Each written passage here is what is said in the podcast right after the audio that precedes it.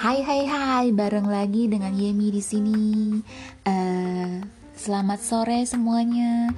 Kali ini saya ingin membawakan ulasan tentang festival orang Tionghoa. Tidak hanya saja sebagai budaya Tionghoa, tapi juga sebagai budaya Korea, orang-orang Jepang, dan juga orang Vietnam. Jadi bagi negara-negara yang masih mengikuti penanggalan bulan, di mana uh, bulan itu jatuhnya pas bulan ketujuh tanggal ketujuh. Makanya festival ini disebut Qi Xi Jie Kuai. Qi itu tujuh, Si itu senja. Kenapa ya senja di tanggal ketujuh? Apa yang terjadi dahulu kala? Nah, karena si si si Jie ini kan hari kasih sayang uh, Chinese dan juga Korea Jepang itu sangat romantis dan juga punya filosofinya jadi saya ingin mengulasnya dan pas banget uh, itu kita masih dekat dengan uh, hari uh, penanggalan Cisije ini. Jadi pada tepat jatuhnya itu pada tanggal 25 Agustus 2020. Jadi penanggalan mataharinya. Ya, senang sekali ya kalau ada seseorang yang mengucapkan kita Happy Valentine's Chinese Valentine Days. Uh, dear, Oke, okay. nah kali ini kita akan uh, kembali lagi ke zaman dahulu kala. Ada seorang bujangan pengembala kerbau, namanya juga Niulang. Jadi Niu itu kerbau, Lang itu bujangan pengembala kerbau. Dia itu sangat kesepian dan tidak ada yang menemaninya. Nah, pada waktu itu, sang kerbau itu tiba-tiba bicara. Kok binatang bisa bicara? Ternyata kerbau ini adalah reinkarnasi dari uh, Taurus bintang Taurus yang dihukum oleh dewa di langit karena melakukan suatu kesalahan. Jadi, dia ingin membalas budi kepada Niulang ini dan mengatakan bahwa e, kamu akan kamu akan bertemu dengan bidadari. Jadi, bidadari itu akan turun dari langit, mandi di air terjun terdekat, dan saat kamu mengambil salah satu baju dari bidadari ini yang sedang mandi, itulah istri kamu.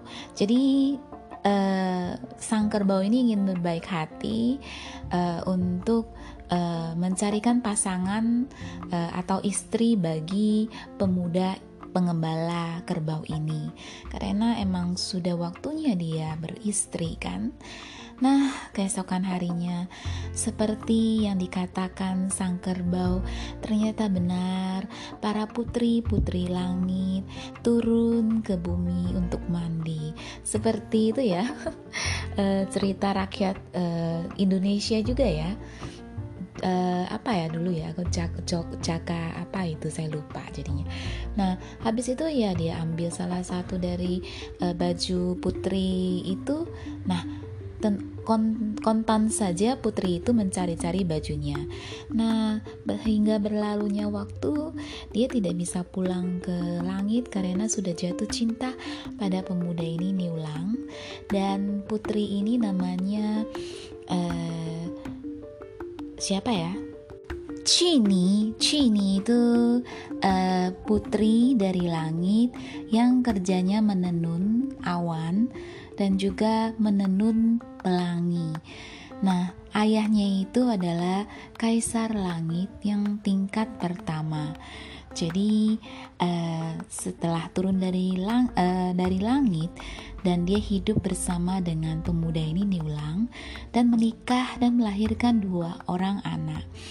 Dan setelah berlalunya waktu, mungkin waktu yang di atas langit dan di bumi itu tidak sama, walaupun di bumi uh, lebih lama dan mungkin di langit itu singkat.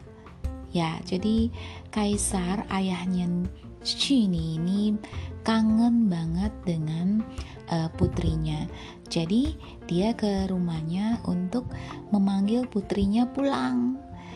Pada saat itu, datang ke rumah pengembala kerbau ini yang ada di rumah hanya kedua anaknya dan juga putrinya.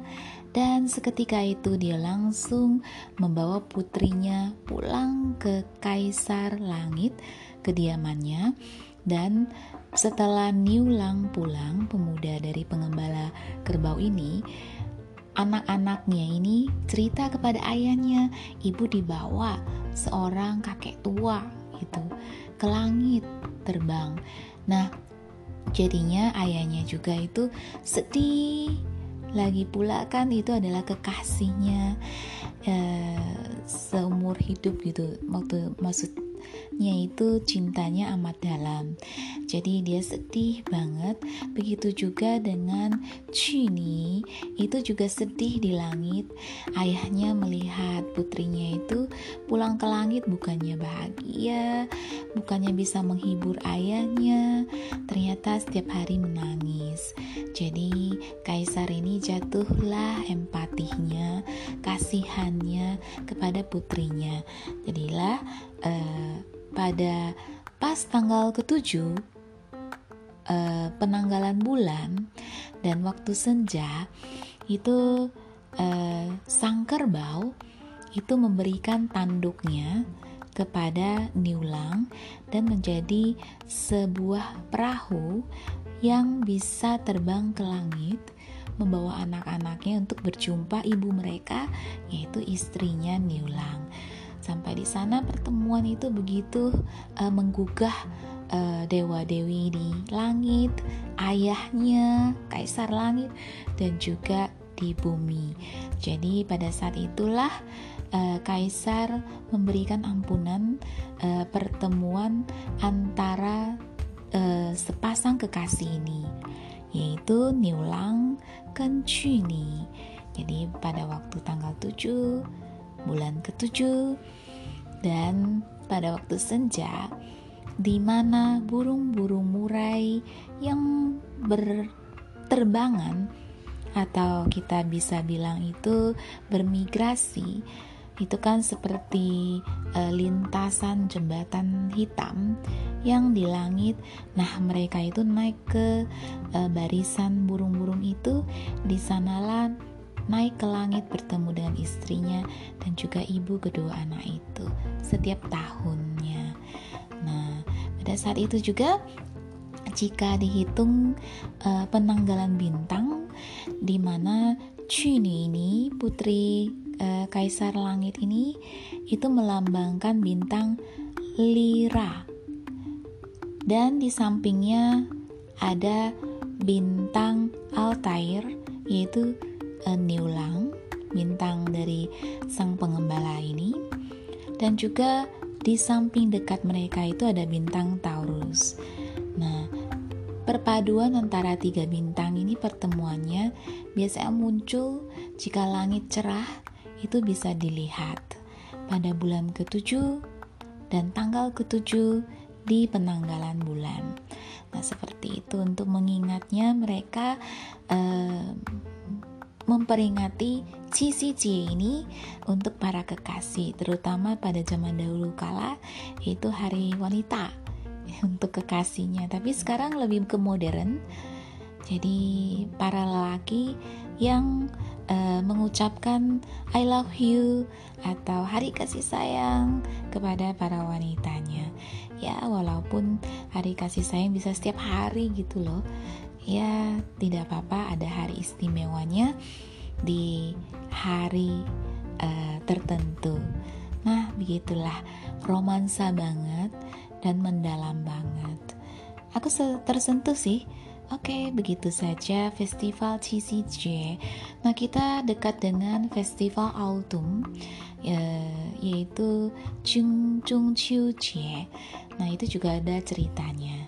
Oke, sampai jumpa lagi uh, minggu depannya.